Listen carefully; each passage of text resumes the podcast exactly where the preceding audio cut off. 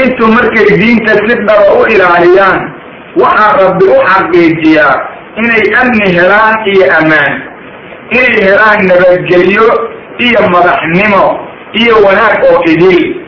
Taas ayay gaarayaan. Sababka sagaalaad ee muslimiintu ku guulaystaan waxa weeye asbaabta nasriga keenta ka mid ah waa inay dadku sugnaadaan maqarka diinta islaamka lagu difaacayo iyo mar alla marka ay xarbad wada gelayaan muslimiinta iyo gaaladu. Waa inaan muslimiintu cararin waa inaan muslimiintu sakin waa inay noqdaan dad niyadoodu birta oo sugan. Allah subxaanahu watacaala wuxuu ku yihi aayad ku jirtay suurat lanfaal yaa ayuha aladiina aamanuu idaa laqiitum fi'atan fasbutuu wadkuru llaha katiira lacalakum tuflixuun war dadka allah iyo aayaadkiisa qada iyo qadar iyo aakhira iyo rasuulba rumeeyayow marka aad la kulantaan gaalada iyo cadowga oo jameeco gaalaha la kulantaan sugnaada ha caradanina ha argagixinina alla subxaanahu watacaala ayaa micigiina ah dikriga alla badiya baryaha alla badiya haddaadan cararin oo dikriga alle iyo daacada alle ku dadaashaan xaqiiqa waxaa ah oo si rasmiya u sugan inuu alla idiin gargaarayo. Subxaana wa tacaala. Rabbi wuxuu leeya waa xaqiiqa in la idiin gargaarayo. Waa arrin sugan in gargaar laydin siinayo. Marka muslimiintu nasar hadday doonayaan wax kasta waxaa lagu xiray daaca alle inay dadku rabbi daacadiisa wanaajiyaan. Waayo dikriga alle lagu sheegayo waa wanaajinta diinta islaamka. Haddaan la helina nasri lama gaarayo waxau ka digay allah subxaana watacaala carabka waxa u sheegay dadka muslimiinta hadday ka cararaan gaalada xirintooda inay xumaanayso allah subxaana watacaala wuxuu ku yidhi aayad ku jirta suurat lanfaal ya ayuha aladiina aamanuu idaa laqiitum aladiina kafaruu zaxfa falaa tuwalluuhum ladbaar waman yuwallihim ywmaidin duburahu ilaa mutaxarifan liqitaalin aw mutaxayizan ilaa fi'a faqad baqa bigadabin min allah wama'waahu jahannama wabi'sa almasiir hadalka ale qofka muslimka o eeg war dadka islaamka allah iyo aayaadkiisa iyo diintaba rumeeyayo markaad la kulantaan ardaasa gaalada ah oo aad zaxfi iyo sarya kuribajo fikriga isugu timaadaan ha jeesanina adinkoo daba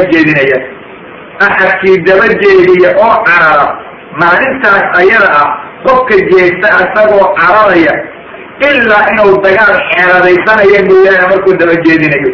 Ama uu jameeco kale oo dagaalka dhinac kale uga jirta inuu utaga oo rabo mooyaane. Labadaasi wada meesha uga baxdo waa lagu ogoli xeelad dagaal darteed ama inaad qolka u tagto oo ku daranto oo muslimiinta kamida dhinac ka dirilaysa labadaas arrimood wax aan ahayn meesha uu ka dirinayo qofka ka carara waxuu loo laabtay cara xagga alla ka timid ma'wiga iyo meeshuu u hoyanayo waa jahannama. Jahanamana gobol la jiigsado ayadaa ugu baasle sidaas ayuu yidhi allah subxaana wa tacaala. Waxaa laga doonayaa marka dadka muslimiinta inay is ilaaliyaan waa in sabaabka lagu dadaalo. Sabaabka iyo sugnaashada xelada marka difaaca lagu jiro diinta islaamka sugnaashadeedana waxaa ka horreeya qofku inuu ku sugnaado xagga caqiidada oo camalka loo diray fulintiisa oo ku sugnaado waajibaadka kala ah oo wixii laga reebay oo dad uga tago oo naf iyo maalba u diinta uhuri karayo laakiin qof addunya jacayl madaxnimo jacayl magaca jacayl oo ku jiro faa'iido malahan qofka marba hadduu madaxnimo iyo ammaan jecel yahay waxa uu gaarayaa ma jira. Sababka tobnaad waxa weeye oo asbaabta nasriga keenta ka mid a waa inay jeclaadaa dadka muslimiinta sunanka qawliga ah iyo kuwa ficiliga ah oo xagga nabiga ka sugan sala allahu alayh wasalam waa inuu jeclaada sunanka iyo ku camalfalkooda iyo soo noolayntooda maxaa yeelay sunanka nabiga ka sugan oo ama qawliga ah oo hadalka loo nisbeeyey ama ficliga ah qawli waxaa la yidhaha wixii lagu hadlay. Ficlina waa wixii la sameeyo. Waxay soo jiidaysaa alla jacaylkiisa qofka allah ou jeclaadana alla waa u gargaarayaa jacaylka alle bay sabab kuugu noqonaysaa ilaalinta sunnada. Jacaylka ale nasri uu alla kuu gargaaro iyo kaalmo xagga rabbi ka yimid. Sidii rasuulka sala allahu alayh wasalam xadiisulqudsi oo alla ka wariyey oo bukhaari ku sugan uu ku yidhi walaa yazaalu cabdii ayuu alla yidhi addoonkaygu kama suulo yataqarabu ilaya binnawaafil xataa uxibu inuu iigu soo dhowaanayo sunnayaalka ilaa aan ka jeclaanayo addoonkaygu kama suulo ayuu leeyahay. Allah subxaana wa tacaala waa xadiisulqudsi oo rasuulku alla ka warinayo oo ku sugan bukhaari qayb kamida waxaad halkaa ka garatay qofka sunnooyinka ku dadaala waxyaalaha aan waajibaadka ahayn ee sunnooyinka oo nabigu sameeyey ama dadka u ammaano u diray qofka ku dadaala allah jeclaada.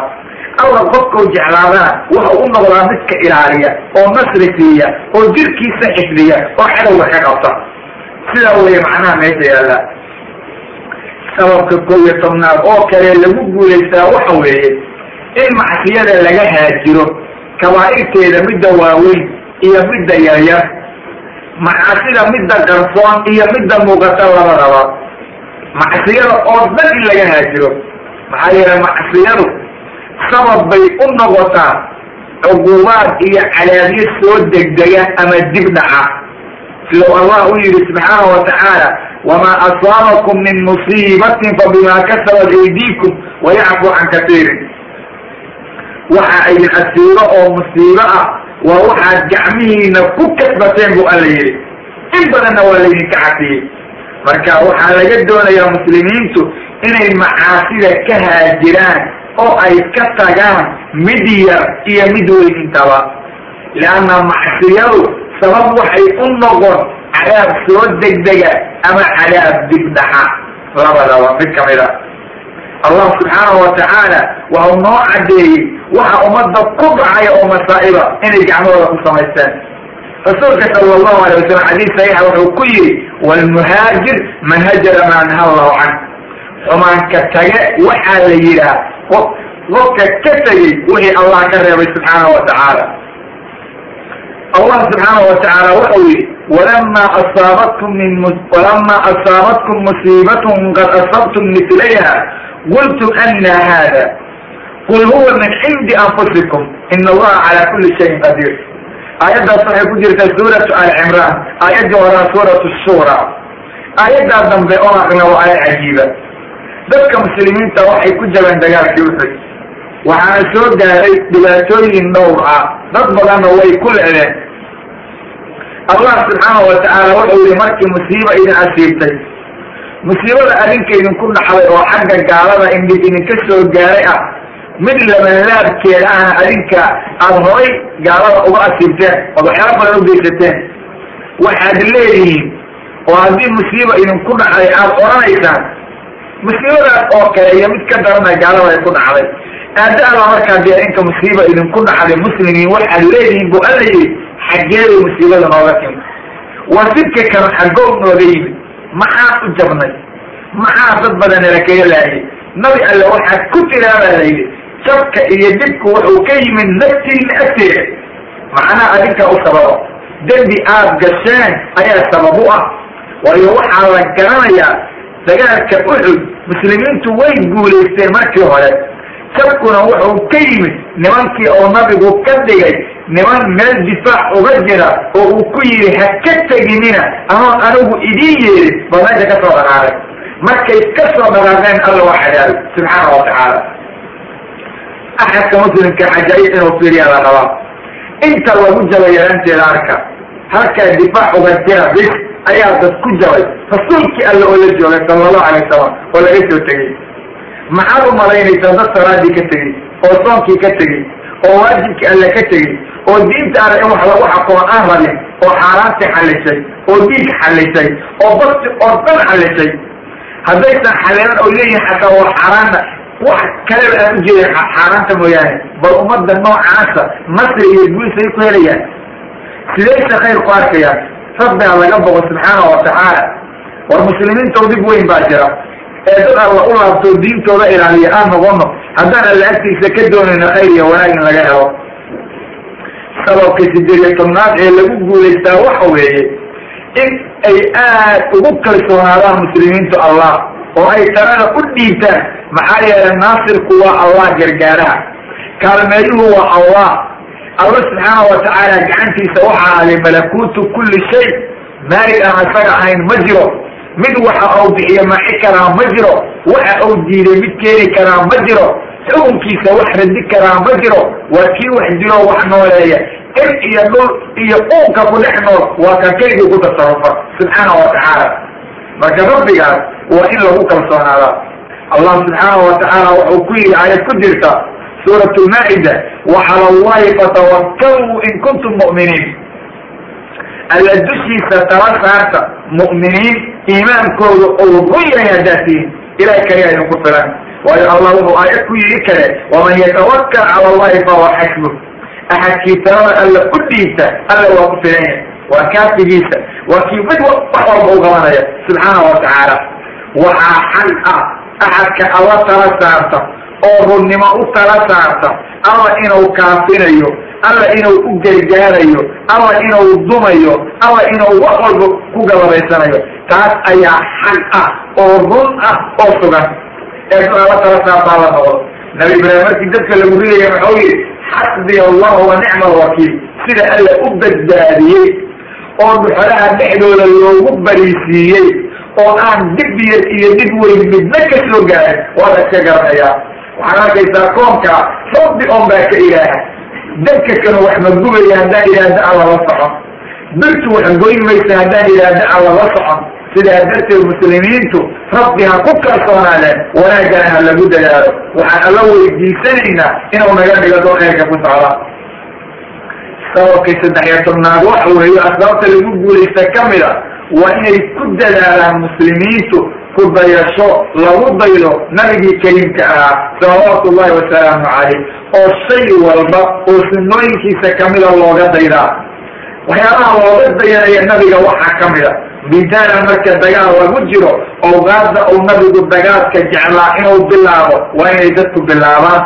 Sida maalinta awalkeeda oo kale maxaa yeele camalka oo dhan maalinta awalkeeda in loo kala ugu fiican yahay. Ama bacda zawaal duurka marka la dukada ka gadaabo nasrigaa soo degta. Xasilooni ayaa timaada barwaaqo ayaa xagga alla ka timaada. Sidaa darteed rasuulka sala allahu alay wasalam sida adila saxiixa caddayday hadduusan aroorta hore weerar gelin waa isdifaaci gelin ilaa laga gaarayo gelin dambe oo macnaha duhur la gaarayo. Kolka waxaa laga rabaa muslimiinta ficil walba inay nabiga uga daydaan si ay u guulaystaan. Waayo haddii nabiga lagu dayan waayo sala allahu calayh wasalam waxaa imaanaya jab iyo burbur iyo dhibaato. Sababka afariyo tobnaad ee asbaabta nasriga keenta kamida waxa weeye in jayska islaamigaa la nidaamiyo nidaam wanaagsan oo tacaaliimta islaamigaa waafaqsan waa in funuunta iyo qaybaha xarbiga la baro asaaliibta dagaalka loo adeegsado waa in la baro. Waktiga ay markaa joogaan waxa lagu dagaalamo waa inay wax ka haystaan yaqaanaana. Ma aha ayagoo dayaaro lagu dirinaya kalaatooleyiman ku dirinaya waktiga maantaa jira oo ummadda jirtaa waxay ku dirinayaan wax kamida waa inaad haysataa. Intaad kartideeda waayo allah muxuu yihi subxaana wa tacala ay ku jirta suurat alanfaal waacidduu lahum ma stadactum min quwa war u diyaarsada gaalada wax alla waxaad kartaan oo xooga wax alla waxaad cadad iyo cudadiri kartaan. Aalad iyo rag lagu dirilo intaba diyaarsada dadaan intaa diyaarsanay maxay guulaysanayaan? Xaggeysa nasrigaba looga ku arkaya lama arkayo muslimiintu hadday nasri rabaan arrimaha noocaasi ha fuliyeen oo rabbi a laga bogo subxaana wa tacaala. Quwadda waxa ay tahay layska doonayaa in ay dadku si wanaagsan taatiibka u bartaan wax alla waxay aalad heli karaanna ay diyaarsadaan. Aaladda loo diyaarsanayo cadowga waxaa kamida in diinta alla la yaqaan macsiyada laga tago daacada alle lagu dadaalo markaa ka gadaalna quwadii kala leero waayo quwaddu waa labo waa maadi iyo ruuxi. Mid maadi iyo mid macnawiyo quwadda maadiga waa aalada lagu diriro waa tababarka. Midda ruuxiga ama macnawigana waa qofka iimaankiisa cabsidiisa iyo xariirku alla la leeyahay. Quwadda macnawiga ama man ama ruuxiga dadka ka dhintay oo aan xiriirka alle xaggiisa u fiicnayn oo aan qalbigooda iimaan hagaagsan oo ku jirin si kastoy tababar u leeyihiin waa kuwii jaba waana kuwa faa'iide iyo guulmidnaba keenay. Wax walbaba dadka muslimiinta waxay ku guulaystaan waa alla kacabsi alla kacabsi haddii la waayaa wax soconayaa ma jiraan asbaabaha lagu guulaysto waxaa ka mid ah in dagaalka takdiidkiisa la hagaajiyo oo aan laga dhigin wax cashwaa'iya oo layska firxanayo waa inay dadku nadaam iyo talo iyo yani wax kala maqab ku wada socdaan laakiin in dagaalku cashwaa'i ka noqdo oo koox oo markay rabta iska firxato taas dagaal lama yidhaahdo wax lagu guulaysanayana ma aha. Muslimiintuna way diideen. Waana sababkay saniyo tobnaad ee lagu guulaysto. In ijtihaadiyad dagaal la samaynayo ama diin wax loo qabanayo waa in la takdiiriyo zamanka la dirirayo la eego. Makaanka lagu dirirayo la eego kayfiyadda iyo tirada dadka la eego iyo sida ciidanku u kala u nidaamsan yahay. Haye acmaasha cashwaa'iga nata'ij ma laha badanaaba xarinada saa weeye. Sababka kale oo kale xitobnaad noqonaya waxa weeye waxaa daruuro ah oo lagama maarmaan ah. Dadku marka ay doonayaan inay diin wax u qabtaan oo jihaad weliba galaan waa inay mushaawaro iyo shawr ka dhacaan. Oo ninka daa'idka ay ciidanku tashadaan oo ra'yiga khayrku ku jira la qaataa oo dadka khibradda iyo ogoonta xarbadda u leh lala tashadaa taas ayaa la doonayaa allah subxaanahu watacaala wuxuu nabigiisa amray inuu mushaawaro sameeyo. Waxaana allah ku yidhi washaawirhum fi lamri faidaa cazamta fatawakal cala allah. Suurat alcimraan bay ku jirta aayaddu. Muslimiinta kala shawr arrinka kolka aad talada goosatana rabbi talada u dhiibo inuu tawaabta ku waafajiyo garab kuu noqdo alla ka daba subxaana wa tacaala rasuulka sala allahu alayh wasalam asxaabtiisa waa la shawri jiray haye waxuuna qaadan jiray ra'yiga wanaagsan ee khayrku ku jiro markuu arko taas ayaa la garanaya xaaladu inay ahaan jirtay me marar badan oo dagaal gelaya saxaabada ayuu la shawray sala allahu alayh wasalam asbaabta kale kuwa lagu guulaysta kamida ee toban iyo toddobaad toddobaad waxa weeye waxaa waajib ah oo muslimiinta laga doonaya inay hogaamiyaha adeecaan qaa'idka dagaalka iyo hogaamiyaha caamka oo dhan. Si masaalixda dagaalka loo xaqiijiyo si nasri iyo guul loo helo daacada imaamka haddii laga baxo oo khilaafka muslimiintu bato oo muslimiinta umuurtooda la dabdi waayo waxay sabab ugu noqonaysaa fashil iyo jab iyo barabareen iyo dib iyo burbur iyo inay gaalada guulaystaan waayo allah subxaana watacaala wuxuu yidhi walaa tanaajacu fatafshaw watalawa riixukum waa ayad ku jirta suurat lanfaal wanaamurminina oo markaa fashilantaan oo uwadiinoo dad baabacdo fashilka iska ilaaliya iyo diin xumada oo rabbi a laga bogo subxaana wa tacaala asbaabaha lagu guulaysta waxaa ka mid ah muslimiintu inay gaalada inay gaalada u muujiyaan inay quwad iyo xoog hayaan dadka islaamka oysan dad liiliita ahayn. Waxyaalaha lagu guulaysta waxaa ka mid ah in dadku khuduucaan ilaahay isu duleeyaan dadaan la isu duleeya oo aan kibir ku jirin waa inay noqdaan. Haddii nasri la helo waa in nasriga loo tiiriya allah oo aan loo tiiri ciidan fiican baan leena si fiican baan u dirirnaa tababarkeennaa hagaagsan waa inaan siyaabaha la odhan dadka muslimiinta oo rabbigiin ka cabsada khayrka iyo waxa alla raalli ka yahay ha lagu dadaalo. Diinta islaamka dad ilaaliya ha la noqdo. Axadka doonaya inuu qaa'id muslima noqdo oo uu hogaamiyo ciidan islaam ah sayf islaami ah ama dawla islaamiya wax kamida inuu meel looga dhiibo raba sifaat baa laga doonayaa. Sifaatkaasa qofkaan laga helin hogaamiye ma noqon karo. Sifada ugu horeysa waxa weeye caqiidadiisa islaamiga waa inay tahay mid saxiixa oo waafaqsan caqiidatu ahli sunna waljamaaca waa inuu fahmaa fahm saxiixa diinta islaamka. Fahamkaas oo laga qaadanayo nusuusta kitaabka alle casiiska ah iyo sunnada mudaharada ee wanaagsan. Oo fahamkiisu ku dhisan yahay halkaa siday u fahmeen dadkii salafka ahaa ee hormaray. Sifada labaad oo laga rabaa waxa weeye xariirka uu alla la leeyahay waa inuu yahay mid weyn oo ku qabtama cilmi iyo garasho iyo inuu arkayo dariiqa khayrka loo maro waxyaalaha loogu maro mid yaqaan inuu yahay. Waa inuu yahay mid naftiisa ku xambaara daacada alla berideeda. Raacidda rasuulka sala allahu calayhi wasalam oo rasuulka mar walba lagu daydo arrinta saddexaad waxa weeye oo laga rabo algudwa xasana axadka gaa'idka noqonaya waa inuu yahay mid lagu daydo oo wanaagga looga daydo saalixa oo u habboon in lagu daydo oo khayrka laga qaato. Mid u munaasiba waa inuu noqdaa.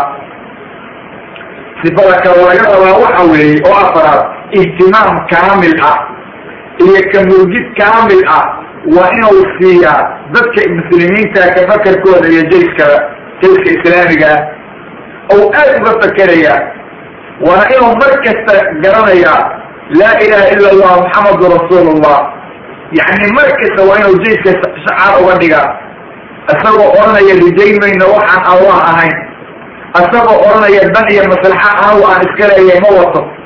Waa inuu mar walba shacaarkiisu kelimada tawxiid ka noqdaa ciidankiisana shacaar uga dhigaa dikriga alle afka lagu hayaa iyo wanaagga. Waxaa kaloo laga doonaya arrinta ay tahay khibra iyo ogoon asir a waa inuu leeyahay funuunta dagaalka iyo sida xalow laysaga dhixiyo iyo munaafiqiinta iyo mujrimiinta meelaha laga maro waa inuu yaqaanaa. Asaaliibta xalowga loola diriyo waa inuu garanayaa waa inuu qof khibrad u camalka u hayo. Muslimiinta waxaa baabiyey meel walba qofka loo dhiiba oo qofan khibrad u lahayn axadku waxa uu ku fiican yahay baa looga faa'iidaystaa. Axad soo bartay sida beeraha loo tabco ciidanka dagaal gelaya kaala noo dagaalgeli in la yidhaha looma baahna. Nin sida loo yani garanaya kaliya sida on masaajid wax looga sheego. Oo aan wax kale weliga arkin in la yidhaahda kaala beerda ku dagaalam looma baahna. Waxaa loo baahan yahay qofka kan camalka loo dirayo oo khibrad leeyahay. Hadduusan khibrad u lahayn waxba ma keenayo. Axadka inuu yidhaha waxa kan khibrad uma yihiin ceeb maahan ummadda soomaalida waxyaalaha dilaya waxaa ka mid a. Qayb kastoo ka mid a loo naxariistay mooyaane. Waxa uusan qofka oga waa ka dhexgelayaan waa daadiye gobollada qaar bay aad loogu sixaaya oo la yidhaha wax kastoo looqonba waa yaqaanin ay waan daadiye waan garan buu iska kaaleeyay allaha laga boqo subxaana wa tacaala. Axadka muslimkaaw iska ilaali waxyaalo badan. Cilmi aadan lahayn ha sheeganin. Sharaf aadan lahayn ha sheeganin. Yaan alla kugu cadaabin waxba kugu tari maayaan waxa kan arrinta kale laga rabo qofkaas oo lixaad waxa weeye waa in ou diinta islaamka waxyaalaha ay asbaabaha lagu guulaysta ka dhigtay oo dhan oo ku dadaalo inuu ciidankiisa ay ka muuqdaan isagana laga helo. Waana inuu iska ilaaliyaa. Asbaab walbay keeni karta in la kala tago in la iskhilaafo waana inuu ku dadaalaa sabab walboo dhali kara in la midoobo isagoo mar walba dhaqan gelinaya. Aayaddu allah yidhi watacaawanuu cala albiri waltaqwa walaa tacaawanuu cala alismi walcudwaan war isu kaalmaysta samafalka khayr samaynta iyo xumaanka tegidda. Laakiin ha isu kaalmaysanina dembi colalaytan iyo xadgudub waxaa laga doonaya marka qofkaa jayska hogaaminaya tilmaamahaas in laga helo. Tilmaamaha kaloo laga doonaya in laga helo waxaa ka mid a waa inuu yahay qof amiin ah oo aad u ammaano badan oo dulmiga iyo jawrka iyo gabodfalka iyo dadka u kale ee xashadiisa iska ilaaliya. Waana tilmaanta kale laga rabay toddobaad tilmaamaha kale waxaa ka mid ah waa in uu qaataa xagga tarabiyeynta ciidankiisa tarabiyada islaamiga ah oo masaajidta laga qaadanayo ay tahay kitaabka alle kariimka ah oo manhajka xaqa oo zaman walba iyo makaan walba u munaasibka ah sunada rasuulka sala allahu alayhi wasalam oo saxiixa ah oo qur'aanka tafsiirkiisa ah. Iyo dadkii diinta soo difaaci jiray taariikhdooda say xaaladu ahaan jirtay isagoo markasta eegaya inuu dadka u sheego dadkii khayrka badnaa waxay sameeyeen. Khulafaa raashidiin iyo wixii mixigooda ahaa siiradooda iyo dadkii fasaadka la dagaalamay oo diinta calankeeda sara u qaaday. Axadka muslimka waa inuu iska ilaaliyaa inuu shaydaan raalli geliyo iyo inuu alla xarageliyo. Shaydaan raaligelintiisa iyo xaragelinta allah waa inuu qof walboo muslima iska ilaaliyaa. Hadduu wanaag doonayo adduunka iyo aakhirada labadaba arrimahaasu marka waxay ka mid yihiin arrimaha guusha iyo wanaagga ay ku gaarayaan muslimiintu ciidankooda ninka hogaamiyaa laga doonayo. Waxaa laga rabaa dadka islaamkaa oo doonaya inay diinta alla wax ku qabtaan in laga helo tilmaamo dhowraa. Tilmaantaas tilmaamaha laga doonayo waxa ugu horreeya waa inay diinta alle si dhaba ugu wada degaan oo iska ilaaliyaan khilaafka iyo cadaawada.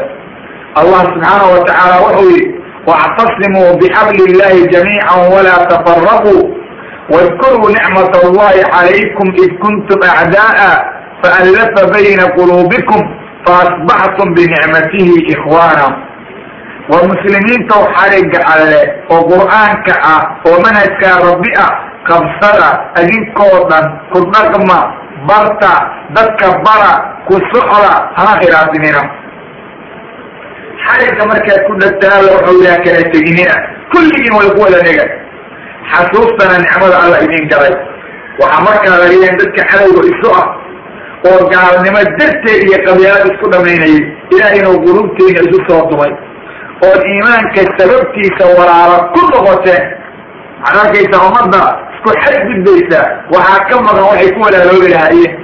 Waxay ku walaaloobi lahaayeen. Dadka muslimiinta waxaa laga rabaa in ay walaala alla darti ku noqdaan oo xariga alla ku wada dhegaan maxaa yeele ma dhici karto in la walaaloobo. Haddaan diin lagu wada socon oo rabbi laga badanay subxaana wa tacaala tilmaamaha laga doonayo oo kale waxaa ka mid a allah subxaanahu watacaala inuu yidhi aayaddaas waxay ku jirta suurat al cimraan aayad ku jirta suuratu tawba oo alla ku yidhi altaa'ibuuna alcaabiduuna alxaamiduun alsaa'ixuuna alraakicuuna asaajiduun alaamiruuna bilmacruuf wannaahuuna can ilmunkar walxaafiduuna lixuduud illahi wabashir lmu'miniin waa sagaal tilmaamood sagaalkaa tilmaamood ummad aan laga helin oo guul iyo khayr gaaraysaana ma jirto tilmaanta ugu horeysa wuxuu alla yidhi dadka liimaanka helaya oo khayrka loogu bishaaray loogu bishaaraynayo waa dadka taa'ibiinta oo wax kastoo xun ka laabto alla daacadiisa u soo laabtay. Waa tilmaanta labaad waa caabuduun waa kuwa rabbi caabuda oo daacadiisa suga oo diintiisa ilaaliya. Tilmaanta saddexaad waa xaamiduun waa kuwa rabbi mahdiya oo carabka ka mahdiyo qalbiga ka mahdiyo xibnaha ka mahdiya oo ammaanta alla u taagan tilmaanta afarad waa saa'ixuun waa dadka dhulka ku socda oo ku xigro qaata waxaa kaloo saaxiinta lagu fasira saa'imiin waa dadka soonka ku dadaala xumaanta ka sooma jirkooda xaaraanta ka soomiya soonkana si dhaba ugu dadaala. Ama maana saaixa waxaa la socodka dhulka lagu socdo lagu xigro qaato. Labada macno waa lagu sheerayo macaani kala badan. Waxaa kaloo tilmaanta shanadaysa arraakicuun waa kuwa rukuucda ku jira iyo cibaadada tilmaanta kale lixaad waxa way asaajiduun sujuud rukuuc iyo sujuud. Salaada qaybaheedi weeyaan. Waxaa kaloo tilmaantooda kale ay tahay alaamiruuna bilmacruuf. Waa kuwa macruufka amraya waa tilmaanta yani tilmaantaas waa tilmaanta lixaad. Maan tilmaanta toddobaad. Alraakicuuna wasaajiduun haddii hal tilmaan laga wada dhigana waa tii lixaad. Haddii laba tilmaamood laga wada dhigana alaamiruuna bilmacruuf waa tilmaantii toddobaad macnahaas waxay noqonaysaa tilmaantii toddobaad wannaahuuna can ilmunkar waa tilmaanta sideed kuwa munkarka ee xumaanta reeba. Waalxaafiduuna lixuduud illah wax alla wixii alla sohdimeeyey dadka ilaaliya weeye. Sagaalkaa tilmaamood dadka laga helay waa dadka jihaadka ku guulaysta. Waa dadka alla nasriga gacmahooda ku keeno. Waa dadka alla cadowga uga hiliyo waana dadka nebiga lagu yihi nabi alla u bishaaray oo janno iyo khayr iyo wanaag ugu bishaaray. Iyo inay markasta guulaysanayaan. Allah subxaana watacaala waxau yihi oo kale walxasri ina alinsaana lafii khusr ila aladiina aamanuu wacamilu الصaalixaati watawaasaw bilxaqi watawaasaw bisabr waxaa lagu guulaysanaya waa imaan iyo camal wada socda oo cilmigiisa leh xaqa in laysu dardaarmo macruufka la amro munkarka la iska reebo iyo in lagu sabro wax kastoo dhiba oo diinta kugu soo gaaraya. Marka asbaabaha guusha rasmiga lagu helayo oo dadka ay wanaagga ku gaarayaan asbaabaha aan ka hadayna ayaa ka mid ah. Intaa waxaan u sheegna tilmaan ahaan axad walba oo muslima oo raba inuu guulaysto ha ku dadaalo khayrka. Waxaa laga doonayaa qofka muslimka inuu qabsado wixii rasuulka uu la yimid sala allahu calayh wasalam oo kitaab iyo sunno ah. Axadka labadaa qabsada oo dhab ugu dhaqmaa waa uu koraa. Ciriiriga iyo cadaabka uu ka koraa waana badbaadaa qofka ka tagaana waa halaagsamaa axadka muslimka waa inuu muslimiinta jeclaadaa la noolaadaa wanaajiyaa waa inuuna si dhaba ugu dhaqmaa waxa alla soo dejiyey waana inuu alla uga shugliyaa nicmada islaamnimada ah iyo wanaagga. Waa inuu iska ilaaliyaa hadalka badan xadgudubka beenta xanta iyo waxaan alla raali ka ahayn oo dhan. إن الحمد لله نحمده ونستعينه ونستغفره ونعوذ بالله من شرور أنفسنا وسيئات أعمالنا man يهده الله فلا مضل له ومن يضلل فلا هادي له وأشهد أن لا إله إلا الله وحده لا شريك له وأشهد أن محمدا عبده ورسوله اللهم صل وسلم على نبينا محمد وعلى آله وأصحابه ومن اهتدى بهذه إلى يوم الدين أما بعد فقد قال الله تعالى في محكمة تنزيله وأتقوا القائلين أعوذ بالله من الشيطان الرجيم وما النصر إلا من عند الله العزيز الحكيم الله سبحانه وتعالى kitaabkiisa munazalka oo muxkamka wuxuu ku bayaaniyey nasri inuusan jirin ilaa alla agtiisa inuu ka ahaado mooyaane oo nasriga iyo gargaarka dhan inuu gacanta rabbi ku jiro subxaanahu wa tacaala xagga rabbina uu ka yimaado ayuu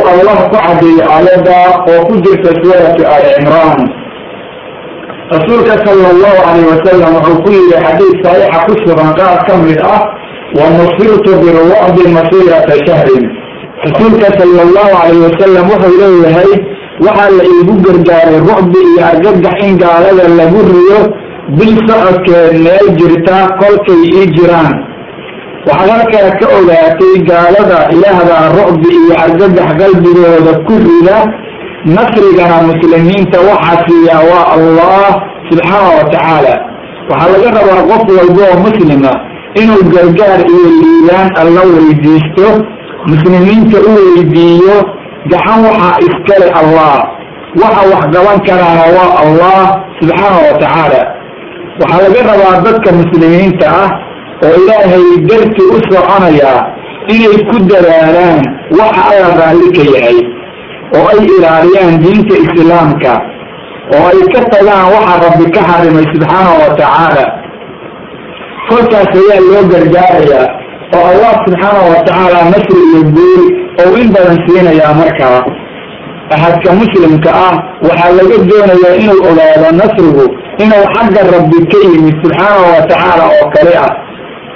Meel kalena nasrigu kama yimaado marka waxaa lagama maarmaan ah oo waajib ah in la qaato asbaabta oo nasrigu ku yimaado waana inay kaalmaystaan dadka diinta alla difaacaya ama af ama adin waxoon ku difaacaya asbaabahaas si ay alla agtiisa uga guulaystaan subxaana wa tacaala. Sababka ugu horreeya lagu guulaystaa waxa weeye alxirsu cala alikhlaasi lilah in lagu dadaalo camalka la samaynayo in alla loo saafi garayo subxaana wa tacaala. Camalku inuu noqdo mid ikhlaas ah oo alla darti loo sameeyey. Haddana camalka alla darti loo sameeyo waa inuu noqdo mid sawaab ah oo waafaqsan kitaabka rabbi iyo sunnada nabiga ee saxiixa sala allahu calayh wasalam sawaabta waxaa la yidhaahdaa in lagu dadaalo daacaadka kuwa daahirka ee muuqda iyo kuwa baatinka oo qarsoon in la sameeyo iyadoo loo samaynayo sidau nabigu u sameeyey sala allahu calayh wasalam lagana tago sayi-aadka iyo waxa xun. Maxaa yeelay allah subxaanahu wa tacaala addoon ma aqbalo camalkiisa camalkaas oo daaxo ah ama macsiyo hadduu ka tegey. Haddii aan laga helin saddex shardi shardiga ugu horeeyaa waxa weeye an yakuuna sawaaban calaa waqti maa jaa bihi rasuulu llahi sala allahu calayh wasalam min cindi rabbi caza wajalla camalku waa inuu noqdaa mid sawaab ah oo waafaqsan wixii uu rasuulku kala yimid alla agtiisa subxaana wa tacaala. Waa shardiga ugu horreeya shardiga labaad waxa weeye an yakuuna khaalisan lilah camalku waa inuu noqdaa mid alla u saafi ah oo alla darti loo sameeyey. Ee hadduu noqdo camal aan saafi ahayn wax faa'iido layidhaha ma lahan shardiga saddexaad waxa weeye an yakuuna almuctaqidu saxiixa. Waxyaalaha uu qofku ictiqaadinayo ama quluubta uga jiraa ama uu doonayo inuu diin ahaan u aaminsan yahay waa inay noqdaan kuwo saxiixa acmaashu markay sidaa noqoto ayuu allah aqbalaa dadka ikhlaaska iyo sawaabta iyo caqiidada wanaagsan ku dadaalay ayaana allah subxaanahu wa tacaala asbaabtii gargaarka qaybta ugu horreeyey ou siiyey. Acmaasha rabbi loogu dhowaanayo oo jihaadka iyo difaaca diinta islaamku ay waayeelka u yihiin waxaa qofka muslimkaa laga doonayaa inay noqoto alla darti mid loola jeedo. Waana inay noqoto mid waafaqsan nusuusta. Allah subxaana wa tacaala wuxuu ku yidhi kitaabkiisa munazalka aayad ka mida oo ku jirta suurat lkahfi faman kaana yarjuu liqaa'a rabbihi falyacmal camalan saalixa walaa yushrik bicibaadati rabbihi axada. Axadka la kulanka alla rijaynaya camal wanaagsan oo kitaabka alle iyo sunnada nabiga sala allahu calayh wasalam ee saxiixa waafaqsan hala yimaado. Cibaadadana yowsan alle cidna ugu darin ee alla darti kaliya ha u sameeyo camalka. Hadduu doonayo guul adduunyo iyo naxariis aakhiro intaba.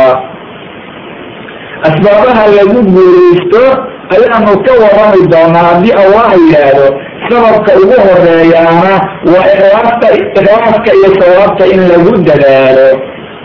Sababka labaad ee guusha keena waxa weeye oo in lala yimaada ay waajibka tahay laasimidda la laasimo taqwada allah oo qofka ku xambaaraysa niyada inuu wanaagsado qasadka inuu wanaagsado iyo waxa uu qasdayo iyo nafsadiisa inuu ka dahiro qurunka xalaal inuu cuno xalaal inuu cabo wax xalaala inuu labisto rukuubkiisuna inuu xalaal noqdo.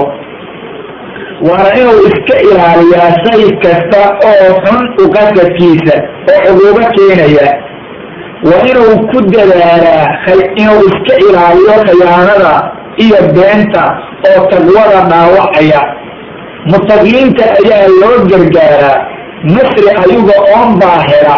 Lianna allah wuxuu yihi subxaanahu wa tacaala wain tasbiruu watattaquu laa yadurukum kaydum shay-a. Haddaad sabartaan ood rabbi ka cabsataan makri gaaro. Iyo dib la idiin mareegi waxba idinka dhigin maayo. Waxau kaloo allah yidhi ina allaha maca aladiina istaqow waladiina muxsinuun waxaa alla gargaar iyo nasri dhicigooda leeyahay cabsadayaalka alle dadka la yidhaah oo rabbi ka cabsaday oo diinta alla ilaaliyey oo xumaanta ka tegey oo xaqa garab u noqday.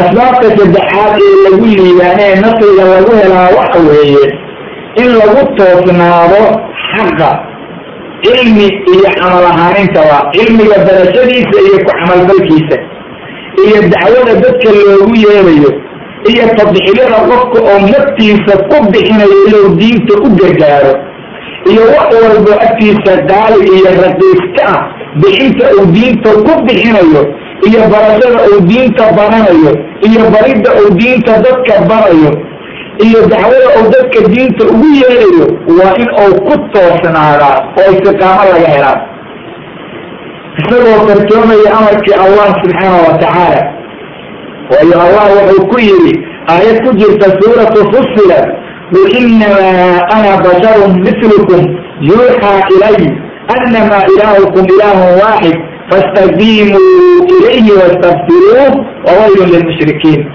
Nabi aya waxaad ku tiraa dadkan diinta ka soo horjeeda oo gaalada ah oo xaqdiidyada ah oo xaaraan cunayaalka ah anugu wax kale ma ihiye bashar bani aadam ah oo adinkoo kalaa ayaan ahay xagga basharnimada laakiin waa la ii waxyooday waxaana la ii waxyooday macbuudka aad caabudaysaan oo ilaaha noo wada ah inuu yahay alla keligii ah oo wax lagu lamaayo lahayn oo wax cibaado mutaystay aan lahayn ku toosnaada tawxiidkaa rabbigiin ka dembi dhaaf dalba. Rabbi daacadiisa ku dadaala halaag iyo cadaab waxaa iskale mushrikiinta eh. Sidaa ku dheeraa nabiga lagu yiri sala allahu calay wasalam waxaad halkaa ka ogaatay istiqaamada tawxiidka lagu toosnaado ilaalinta xaqa lagu toosnaado waa waxa lagu liibaano. Asbaabaha guusha keena ayay ka mid tahay allah subxaana wa tacaala wuxuu kitaabkiisa ku yidhi ina aladiina qaaluu rabbuna allah uma istaqaamuu falaa khawfun calayhim walaa hum yaxzanuun wuxuu rabbi noo caddaynayaa dadka waxdaaniyada alla sugay oo diinta allena u ilaaliyo u bartay oo waxay u dirtay fulinteeda ku toosnaaday wixii ay diintu ka reebtay ka tegidoodana ku toosnaaday cabsi iyo walwal midna dushooda ma aha aakhirana janno iyo naxariisa way iska leeyiin sidaas ayuu allah noo cadeeyey subxaana wa tacaala. Marka asbaabaha lagu guulaysanayo istiqaamada ayaa ka mid ah. Qofka aan istiqaamo laga helinna nasri adduunyada heli maayo aakhirana naxariis allama hayo oo ma helayo. Sababka afaraad waxa weeye oo asbaabaha lagu guulaysta ka mid ah oo muslimiintu ay gaalo uga raayaan oo ay dhibaatooyinka uga baxayaan in la laazimo iltizaam caam ah oo shaamil oo kulminaya diinta islaamka tacaaliimteedoo dhan inay muslimiintu laazimaan islaamka. Iltizaam caam ah oo islaamka oo dhan la laazimayo tacaaliimtiisao dhan la qaadanayo xagga caqiidada xagga cibaadada mucaamilka iyo dhaqanka siyaasadda xukunka xardaga iyo dagaalka nabadgelyada iyo is-ammaangelinta suruuga iyo socodka akhlaaqda iyo yani yani nolosha lagu dhaqmayo mujtamaca lagula soconayo intaasoo dhan waa in diinta laga qaataa oo la laazima. Maxaa yeelay diintu waxay ka hadashay wixii qalbiga laga caqiidaysanayn lahaa wixii xidnaha cibaado looga samayn lahaa wixii ummadda lagula mucaamuloon lahaa siyaasadda wax lagu maamuli lahaa waxa wax lagu xakumi lahaa sida dagaal loo galo sida ammaan loo helo dadka lagu ammaan geliyo waxay ka hadashay sida suruur loo sameeyo mujtamaca akhlaaq iyo dhaqanhaan looga noolaado waxay ka hadashay sida aqabada loo dhaqo sida dhaqaalaha loo soo saaro sida awlaada loo koriyo sida dadka islaamka ah loo xariiriyo iyo kuwa gaalada intaba. Wax walba saasay u cadayday. Marka islaamka waa in laga dhigtaa manhaj kaamil ah oo lagu dhaqmo markaasay muslimiintu guul iyo wanaag gaari doonaan waa guul iyo gobaniba inay waxaa marka la doonayaa in la ogaado islaamku inuusan ahayn mid qaybsani karaya. Ma la aqbalayo muslimiintuna ku guulaysan maayaan inay diinta qaar aqbalaan qaarna tuuraan oo ay nafsadoodu waxay jeceshahayna iskaga dhaqmaan waxay naftu jeclayna iska tuuraan. Oo hawadiba ku socdaan. Allah subxaana wa tacaala wuxuu yidhi oo ku yidhi aayad ku jirta suuratu ali cimraan waman yabtagi gayra alislaami diina falan yuqbala minhu wa huwa fi laakhirati min alkhaasiriin axadka dalba oo doona diinta islaamka diin aan ahayn axadka mabda iyo nolol iyo dhaqan ka dhigta waxaan islaamka ahayn lagama aqbalo lama wanaajiyo aakhirana wuxuu oo barakada alla ka qaaday subxaana wa tacaala. Sidaas rabbi leeyahay subxaana wa tacaala tacabkiisaa ba'ay waa mid khasaaray maaragtay adduun iyo aakhiraba. Waa axadka ka dhigta nolol ama dhaqan wal-aan waxaan diinta islaamka ahayn. Allah subxaana wa tacaala wuxuu ku oranaya aayadda ku jirta iyaduna suurat lbaqara afatu'minuuna bibacdi lkitaabi watakfuruuna bibacd فما جزاء من يفعل ذلك منكم إلا خزي في الحياة الدنيا ويوم القيامة يردون إلى أشد العذاب وما الله بغافل عما تعملون وهو الله أرانيا وردتك إسلامك أهو أما دتك الدين الرمييو ma rumaynaysaan ilaahay diinta uu soo dejiye kutubta ku taala qaar ka mid ah qaarna ma ku gaaloobaysaan dadka sidaa yeela abaalmarintoodu wax kala ma ahan buu alla yidhi in adduunka lagu duuleeyo aakhirana cadaab midka ugu xun loo celiyo oo la celiyo oo balaayo lagu sabida mooyaane. Allahna ma ahan mid halmaansan waxaad samaynaysaan. Haddaba diinta oo qaar la rumeeyo qaarna laga tago waa midda ay ku dhaqmeen carabka dadka islaamka sheeganaya maanta ku nool ilaa wax yaro alla naxariista mooyaane. Dadka diinta qaar ku dhaqma qaarna aan ku dhaqmina ka taga adduunka waa hizyibu alla yidhi. Aakhirana waa cadaab. Aakhirada lama gaarina adduunka maxaa haysta ummadda caalamka ku nool ee islaamka u nisba sheegata? Ilaahay keligii baa warbixin ka bixi kara. Caalamkana anaad u eegno. Meel kalena iska dayni aan soomaaliya eegno waxaa haysta riziga haysta inta uu la egyahay marka aad dalka dhex maraysid soomaaliya lagu magacaabo waxaad xasuusanaysaa oo kugu soo dhacaysa wa kam min qaryatin xasad can amri rabbiha wa rusuli faxaasabnaha xisaaban shadiida wacadabnaha cadaaban nukra. Fadaaqad wabaala amriha wa kaana caaqibatu amriha khusran. Waxa ku dhacay waa gubteen degeladii ayaa baaba'ay dahabkii ayaa xabad laga waayey aqabadii dababyadahay ayaa dumay dadkii dacafadahay ayaa baaba'ay tijaradii ayaa kobola-aan ku socota meel la seexdaa lagala yahay meel lagu dukadaa lagala yahay maydkaa dariiqyada yaalla dadka lama duugo haddii la duugayo karfan looma helo haddii aada alla la duugi tago dadka looma qodi karo dibka ummadda haysta way silceen taxriir bay la kulmeen. Saad adduunye ayay waayeen. Sahay aakhira dad haysta ma ahan salaad dad wanaajiyo alla xariirlale ma ahan sirac ayaa haysta aad u badan. Waxaana sida alla u silciya ummadda diinta qaarna qaadatay qaarna beenaysee kana qaaqday adduunka waa khizyi aakhirana waa wax daran muslimiintu hadday doonayaan inay guul gaaraan islaamka ha ka dhigteen manhajka nolosha manhajka wax walba laga qaato. Yaysan noqonin in diinta qaarna la qaato dhaqankana qaar gaalada laga qaato.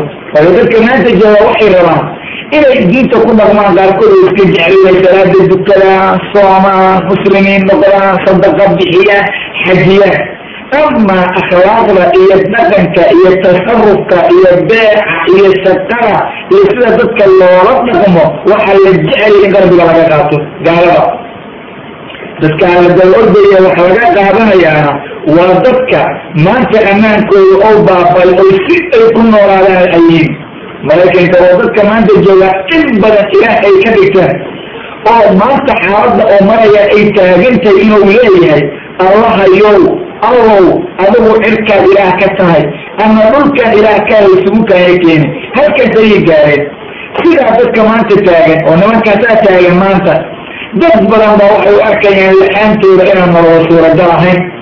La'aantooda inaan horumar la gaarin warbal ummadda noocaasa ka warrama. Rabbiga laga bogo subxaana wa tacaala. Sababka sanaad ee lagu guulaystaa waxa weeye in la daa'imo dikriga allah dikrigaasoo ah midka alla jideeyey. Waa in rabbi la ammaano waa in rabbi carabka laga ammaano qalbiga laga weyneeyo xibnahana daacadiisa loogu adeego dikriga lala imaanayaana ow noqdo midkau nabigu la yimid salawaatu ullahi wasalaamu calayh. Siduu allah u yidhi fadkuruunii adkurkum waskuruu lii walaa takfuruun ixusa waan idin xusayaahe igu subriya oo ha igu kufrimina dikrigayga iyo daacadayda ku dalaala waan idiin dambi dhaafin waana idiin naxariisanayaahe ammaantayda badiya oo nicmadaan idiin galay iiga mahdiya ha igu kufrimina waan idiin kordhinayaahe diintayda u adeega ana waan idin wanaajinayaahe daacadayda xifdiya ana dulligaan idinka dhawayaahe sidaas ayuu rabbi ku leeyahay ayaddaa subxaana wa tacaala. Ayaddan waxay ku jirtaa suurat lbaqara dikriga alle qulubta ayaa ku xasisha waayo allah wuxuu oranayaa alaa bidikri illahi tadma'inu lquluub. Warhooyay dadow dikriga allah qulubta ayaa ku xasisha ibni imaan deganaan barwaaqo iyo wanaag ayaa lagu helaa dikriga alle hala badiyo.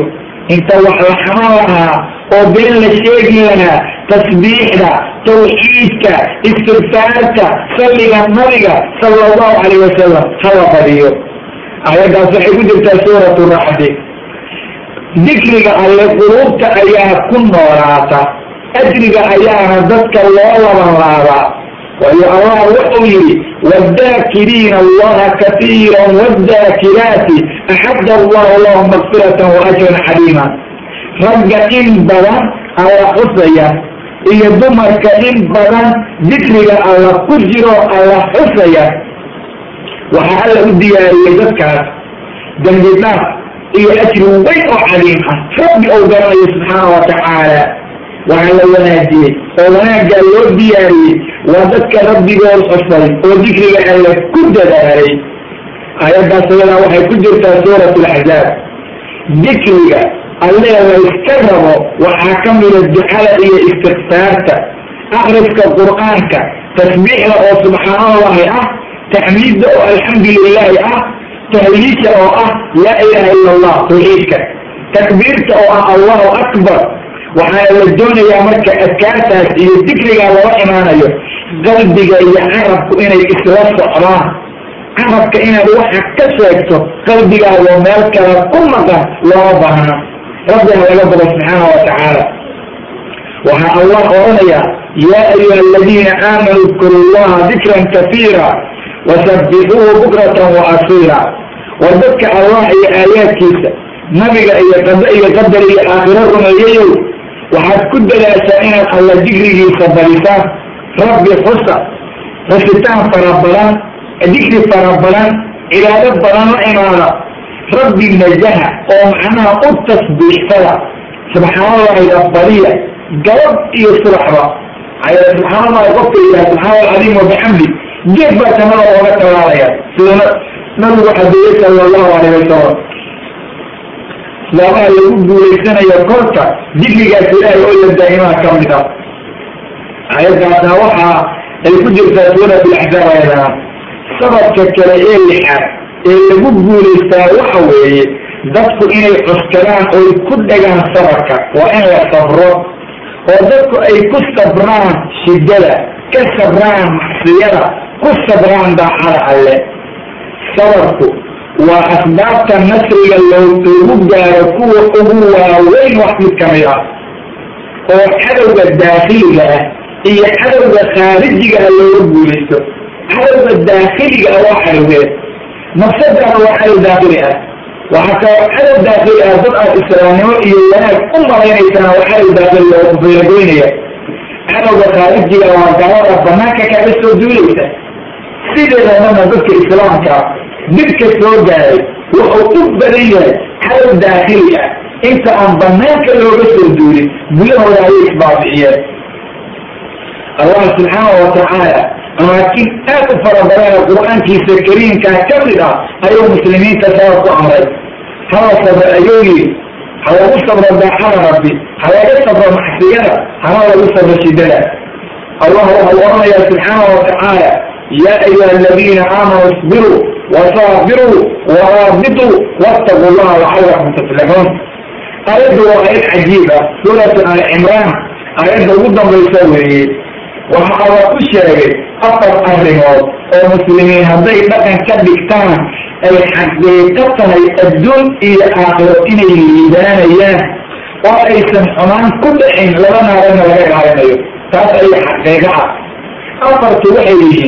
ah allah subxaana wa tacaala wuxuu u naadiyey oo u yeelay dadka iimaan kale. Waxaa allah oranayaa war dadka allah iyo aayaadkiisa qado iyo qadar aakhiro iyo kutub iyo rusul rumeeyayow waxaad yeeshaan sabra daacada ku sabra macsiyada ka sabra shidadana ku sabra. Waa arrinka ugu horreeya tababaad waxaa la yidhi wasaabiru la sabirtama gaalada cadowga idinla dirirayaa oonka iyo gaasaday ku safraan. Adinka dibkiinay dhaqaalo badan ku bixiyaan say idin dhibi lahaayeen bay hurdada uga tagaan la sabirtamayo idinka sabir badani. Oo markay dibkiina ku safrayaan adinkuna la dagaalankooda ku safra. Midda saddexaad oo alla yidhi oo raabidu busayska ku nagaada oo meelaha diinta laga difaacaya ha ka bixinina ku nagaada raabidka waxaa kaloo la yidhaha daacada alle ilaalinteeda ku nagaada waxaa la daba dhigay waxaa idiin diray fulintooda alla uga cabsada. Waxaa idinka reebay kategidoodana alla uga cabsada. Xaqiiqo waxaa ah inaad guulaysanaysaan liimaanta runta inaad gaadaysaan waa rasmi dadka muslimiinta marka meelo kale inay ka warwareegaan ma aha waa inay rabbi macaawino ka doontaan oo ay gargaarka alla weydiistaan subxaana watacaala allaha wuxuu ammaanay dadka saabiriinta ah oo ku sabra shidada iyo xabadda waxauna allah ku oranaya aayad ku jirta suurat lbaqara wاsaabiriina fi lba'saa'i wاdaraa'i waxiina alba'س ulaa'ika aladiina sadaquu wa ulaa'ika hum almuttaquun dadka khayrkale waa dadka ku sabra yani shidada gaadada cudurka iyo dhibaatooyinka soo gaara dadka. Waana kuwa sabra xaalada jihaadka lagu jiro oo cadow diineed lala dirirayo dadka sidaa yeela tilmaamo kaloo fara badan oo ka horeeyana iska laha waa dadka iimaankooda kuru sheegay waana dadka cabsadayaalka alla la yihaa oo rabbi ka cabsaday oo diin alla ilaaliyey oo u diyaargarowday wanaag axadalwa muslimin rabbigii ka cabsada ayaa laga doonaya rasuulka sala allahu alay wasalam xadiis saxiixa wuxuu ku yidhi wamaa ucdiya axadun cadaa'an awsaca khayran wa awsaca min asabri axadka lama siiyo siismo ka khayr badan oo ka waasacnimo badan sabarka waxa qofka la siiyo waxa ugu waasacnimo badan oo ugu khayr badan waa sabar buu leeyay salawaatu llahi wasalaamu caleyh sabarka albaab walba asagaa lagu furtaa khayr walbaa lagu gaaraa xataa dadka sharta doonaya haddaysan sabri ma gaari karayaan xaqiiqada noocaas weeye sababka toddobaad ee asbaabta lagu guulaysta ka mida waxa weeye inay muslimiintu isku qurxiyaan run shacbi walba oo su'uuntooda ka mid ah waa inay ku run sheegaan waxaa su'uunta lagu run sheegayo ugu horreeya asidqu maca allah waa in ilaahay subxaana watacaala macigiisa loo run sheego oo waxaa looga jeedaa axadku waa inuu wanaajiyo xiriirka isaga iyo rabbigii ka dhaxeeya. Waa inuu ka run sheegaa. Xiriirka isaga iyo muslimiinta ka dhaxeeya waa inuu ka run sheegaa. Axadka diinta difaacaya waa inuu saadiq yahay runlow waa inuu saabir yahay. Axad sabra waa inuu mukhlis yahay. Hadduu intaa kulansado wuxuu ku liibaanayaa janno ballaxeedu isu jiro cirka iyo dhulku intay isu jiraan jannadaasoo loo diyaariyey. Dadka allah iyo rusushiisa rumeeyey. Jannada dhexdeeda waxa ahaatay nolol aan geeriyu ka dambayn. Caafimaad aan jira ka dambayn. Dhalinyaranimo aan gabow ka dambayn. Raadi ahaansho xagga alla ka ahaatoon xarag ka dambayn. Wax ka dambeeya aysan jirin. Marka runta waxay ka mid tahay waxa lagu liibaan allah subxaana watacaalana wuxuu kitaabkiisa ku ammaanay dadka runta sheega. Waxuuna oranayaa markuu ka sheekaynayey dadka loo nicmeeyey oo dariiqa khayrka qaaday wuxuu yidhi faulaaika maca aladiina ancama allahu calayhim min annabiyiin wasidiiqiina washuhadaai wasaalixiin. Nebiyiinta dadka ambiyada ah rususha ah darajada ku xigta waa sidiiqiinta run sheegayaalka wax walba dadka runta ka sheega oo wax walba ku run sheega islaamnimadooda ay run tahay. Xariirkay rabbi lagaya ku run sheegaya niyaddu ay run ka tahay camalku uu run ka yahay wanaajinta muslimiintu ay run ka tahay. Dadka noocaasi waa guulaysteen waa guulaysteen rasuulkuna wuxuu yihi sala allahu alay wasalam xadiis saxiixa ku yihi calaykum bisidqi fa ina sidqa yahdi ila albirri wa ina albira yahdi ila aljanna wa runta laazima runta saaxibkeeda wanaagay gaarsiiya wanaaguna jannow ku gaarsiinaya saasan buu nabigii alle leeyahay. Warkaa nabiga alle maxaa loo diidan yahay? Maa alalaga boqo maa daddiineed la maqlo oo xaqa la ilaaliyo. Haddii adduunka iyo aqala wanaag la doonayo waa muslimiinta rabbi kabada subxaana wa tacaala. Sababka kale ee xideelaada lagu guulaystaa waxa weeye waa inay muslimiintu ka murgaan oo ay aad u ilaaliyaan shacaa'irta iyo calaamooyinka tacabudiga ah. Oo alle lagu caabudo. Shacaa'irtaas waa in la muujiyaa diinta in laga dhunto ma ahan.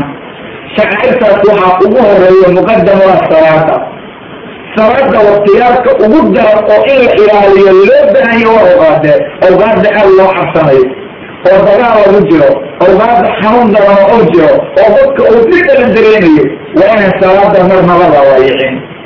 Iyo wax kala wixii diinta shacaa'irteeda ah maxaa yeelay waajibaadka oo la ilaaliyo muslimiintu dhulkay ku hantaan. Waajibaadka oo la ilaaliyo dadka muslimiinta raaxadooda weeye. Dhinaca walba marka laga eego waana midka ay dhulka ku hantaan ayna uga guulaystaan. Waxaa muslimiinta xaqiiqa u noqda amni iyo ammaan markay diinta dhabu ilaaliyaan